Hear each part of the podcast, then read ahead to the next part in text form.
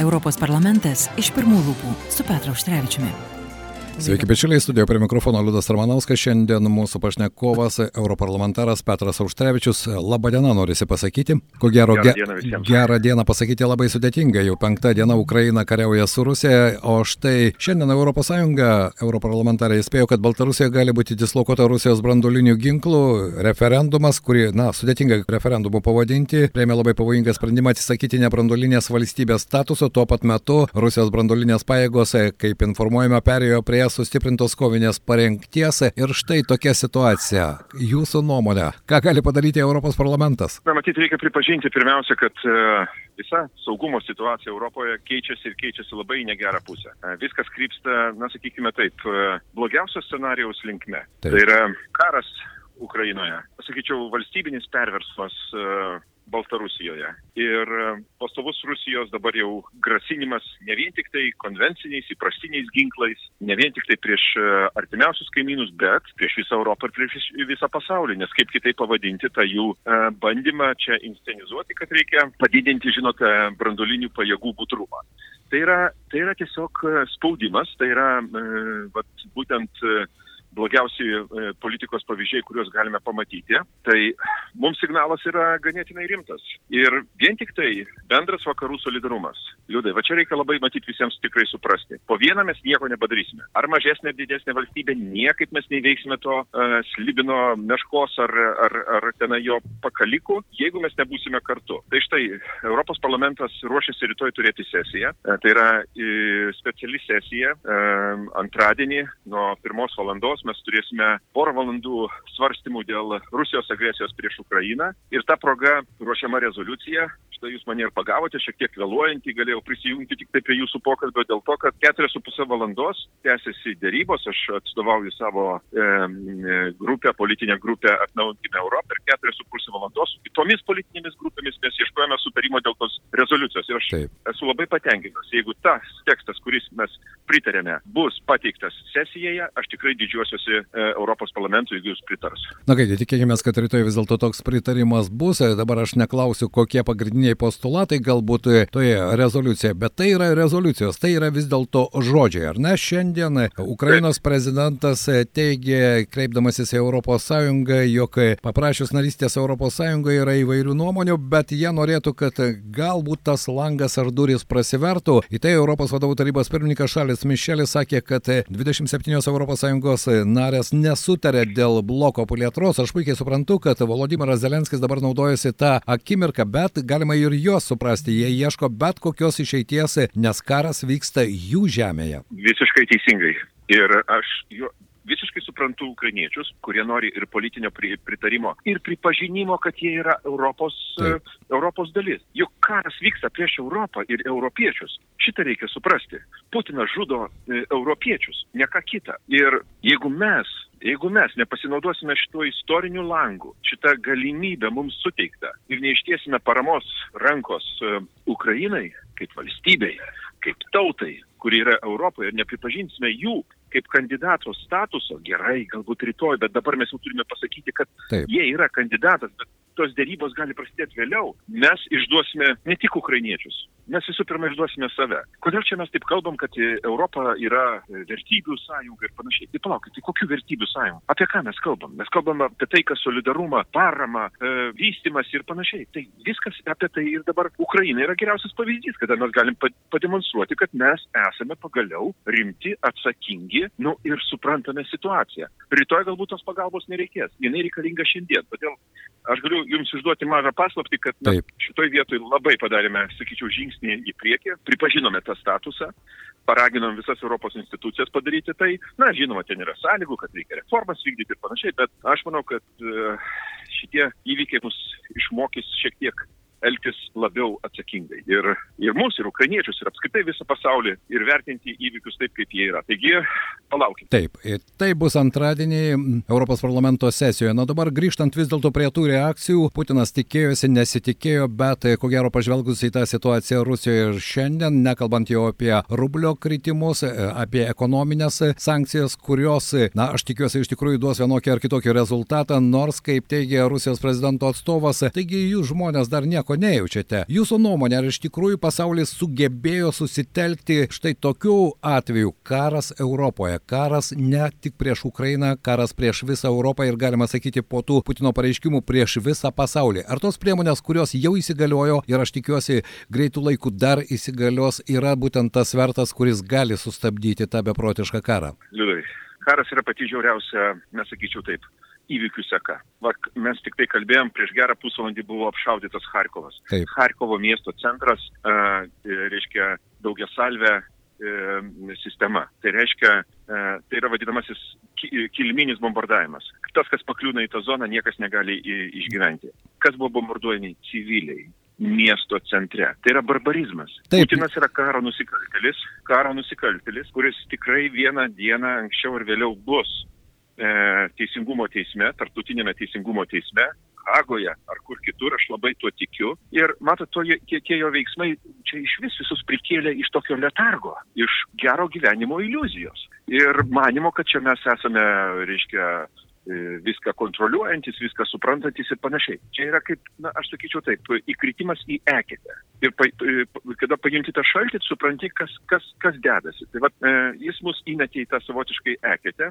ir mums tik tai reikia dabar suprasti, ką mes turime daryti. Ar, kaip sakyti, kapanotis ir tenai po vieną bandyti išlipti, ar iš tikrųjų e, išlipus, e, na, sakykime taip, trenkti taip atgal, kad kito tokio bandymo nebūtų.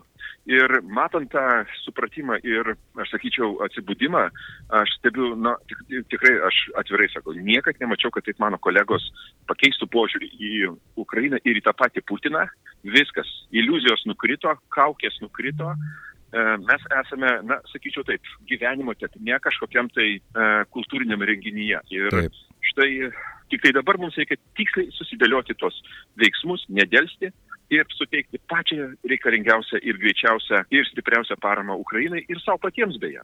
Be jokios abejonės. Mūsų pusė taip. taip pat turi vykti. Būtent. Nes e, ir be jokios abejonės analitikai sako, negalite būti ramus, nes karas Ukrainoje tai yra karas ir čia, Lietuvoje taip galima sakyti ir aš suprantu, kad žmonių susitelkimas, štai jūs užsiminėte apie Harkovą, šias visas dienas mes kalbėjome su Marija iš Harkovo, kuri šį rytą jau negalėjo kalbėti, nes sako, aš jau išvažiuoju iš miesto, nes neįmanoma, apšaudimai yra tokie, kad mes jau nebegalime į Rusijuose sėdėti, nes tai yra pavojinga ir jie pabėgo iš Harkovo, ko ten baigsis dar sunku pasakyti. Bet kalbant apie tas ir sankcijas, ir politinius pareiškimus, ir konkrečius žingsnius, ES pirmą kartą pareiškė, kad jis suteiks ginklų ir tame tarpe karinių lėktuvų ES.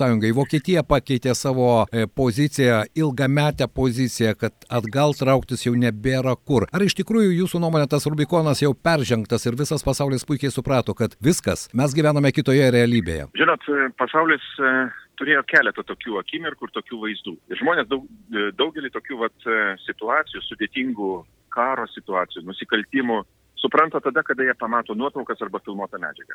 Aš manau, kad rusai, Putinas Ukrainai daro tai, kad Hitleris darė su, su sovietais, reiškia, Leningrado blokada ir panašiai. Taip. Kada buvo apšaudomi nekalti žmonės, kada jie buvo marinami, kada žudomi ir panašiai ir taip toliau. Tai vad Putinas tą patį dalyką daro. Nu ir matant tuos vaizdus, nu, kuo reikia būti, kad tu nesuprastum, kad, žinot, žemė tai dega, ta prasme, jinai slysta iš pakojų, kad negalima tikėti tuo gražiu rytojumi, jeigu mes nesimsime kažkokių tai veiksmų. Todėl aš, žinot, nežinau, ką čia ir pasakyti, bet jeigu mes dabar nepajudėsime, mums, mums nėra jokios prasmės čia kartu kažką tai vaidinti, E, susitikinėti, diskutuoti ir panašiai. Dabar yra veiksmų metas. Taip, veiksmų metas. Būtent pusę milijono žmonių jau e, oficialiai paliko Ukrainą ir tai tik tai per keturias, penkias dienas. Ir tai e, pagrindė vaikai, moteris, žmonės pagyvenusio amžiaus visi vyrai lieka Ukrainos teritorijoje. Pusę milijono. Ir čia be jokios abejonės aš ir jūs ko gero matėte tuos vaizdus, kai tie patys Lenkai, Rumūnai, paprasti žmonės, jie jungiasi ir tiesia tą pagalbos ranką ranką. ES sugebės pagaliau pabusti iš letargo miego, aš turiu omeny, kad imtis konkrečių veiksmų, kurie ne po savaitės dviejų, o dabar galėtų vykti, kad tas mechanizmas įsijungtų ir pradėtų rodyti rezultatus. Matot, e, šiuolaikiniai karai vyksta labai greitai. Vis, visi įvykiai rutuliuojasi labai greitai. Pažiūrėkit, jūs teisingai sakot, pusę milijono. O per kiek čia dienų? Per keturias dienas? Taip. Per keturias dienas, reiškia, pusę milijono žmonių pasitraukė iš Ukrainos. Nereikėti skaičiai. Mes kalbėjom tenai apie karą e, vakarų Balkanuose, ten, žinot, tą migraciją ir visą kitą. Bet ten buvo metai, vos ne dešimtmetis, e, reiškia milijonas, kitas tenai tapo pabėgėliais. O čia keturios dienos pusę milijono žmonių. Tai ir čia tik tai prasideda visas tas dalykas, nesgi Putino e, noras viską gazinti. Dabar iš ES pusės tikrai nereikėtų neregėti pokyčiai. Čia vyksta e, dėl paramos tiekimo, panaudojant visus instrumentus, suteikiant tą finansinę paramą ir svarbiausia, tą paramą, kad būtų galima panaudoti ginklams. Nes dabar reikia pripažinti, ukrainiečiams reikia ginklų, Taip. sustabdyti agresorių, kuris nori ir toliau žudyti žmonės. Tai štai va, e, šitas va, dalykas pasikeitimas yra labai svarbus mums, kadangi e, mes turime būti ne vien tik tai gero gyvenimo sąjunga, mes turime būti saugi sąjunga savo žmonėms, kad tokie agresoriai, tokie nusikaltėliai kaip Putinas negalėtų ateiti ir po vieną taip pat skabyti, gazdinti, mušti, žudyti ir panašiai. Tai čia yra labai rimtas dalykas ir aš matau labai, sakau, gerą pažangą, kaip keičiasi šitie įvykiai. Bet reikia, žinoma, paspartinti, kadangi valandos taip pat turi didžiulę prasme. Taip, ir tai yra žūstantys žmonės ir aš prisimenu, dar tik tai po saugumo tarybos, Rusijos saugumo tarybos posėdžio mes kalbėjome su Jono Ohmanu, kuris tuo metu buvo Ukrainoje, jis sako, baigit plėpėti, reikia paprastų dalykų, kad jie galėtų apsiginti. Ir štai lietuviai įrodė per keletą dienų 6 milijonai saukotų lėšų Blue Yellow platformai, kuri konkrečiais darbais, daiktais padeda ukrainiečiams kovoti. Aš tikiuosi, kad ES irgi pabus. Beje, Ukraina dabar ką tik tai kreipėsi, prašydama ir ES, ir Azijos valstybių nutraukti ir geležinkelių susiekimą su Rusija. Tokiu būdu, ko gero, sukurti totalią blokadą. Jūsų nuomonė tai realu ar ne? E, atrodo, kad šitas sprendimas e, bus labai skaudus Rusijai. Aš, aš atvirai sakau. Pažiūrėkite, e, uždraustas visų Rusijoje registruotų valstybinių, privačių ir vienetinių, reiškia, lėktuvėlių skraidimas į ES. Ką tai reiškia? Tai reiškia izolacija. Tai yra, yra, yra pasakymas rusams, pasiliksite atostogauti, gyventi, e, džiaugti savo, e, taip kabutėse, galingą ir gražią valstybę pas save. Džiaukitės tenai. Antras dalykas - ekonominė izolacija, finansinė investicinė izolacija, kultūrinė ir sportinė izolacija. Čia tik tai viskas dar prasideda, nes kiekvienas toks vaizdas, kurį mes pamatome, kaip bombarduojamas Ukrainos miestas ir žinome, kas tą daro, tai yra, žinot, nu, aš nežinau, kaip mm, negaliu pasakyti, kas, kas atsitinka žmonių sąmonė, visi pašiurpia. Ir Rusija bus izoliuota. Rusija tampa na, iš tikrųjų, barbarizmo e, tvirtovę. Ir aš labai tikiuosi, kad e, ne mes keisime jokias ten santvarkas Rusijoje, ne mes e, inspiruosime e, taip vadinamus e, revoliucijas ar, ar kitus įvykius, patys rusai turi suprasti. Čia yra jų veidas jų apskritai kaip tautos, e, žinot, įvertinimo valanda. Jeigu Taip. jie stovės ir žiūrės e, ir bijos toliau Putino, na tai tokia jiems ir kaina. Tokia jiems ir kaina, taip reikės ir pasakyti. Bet aš matau ir labai gerų dalykų. Pažiūrėkite, Peterburgė ir kitur, taip. e, kokios demonstracijos jau įvyko.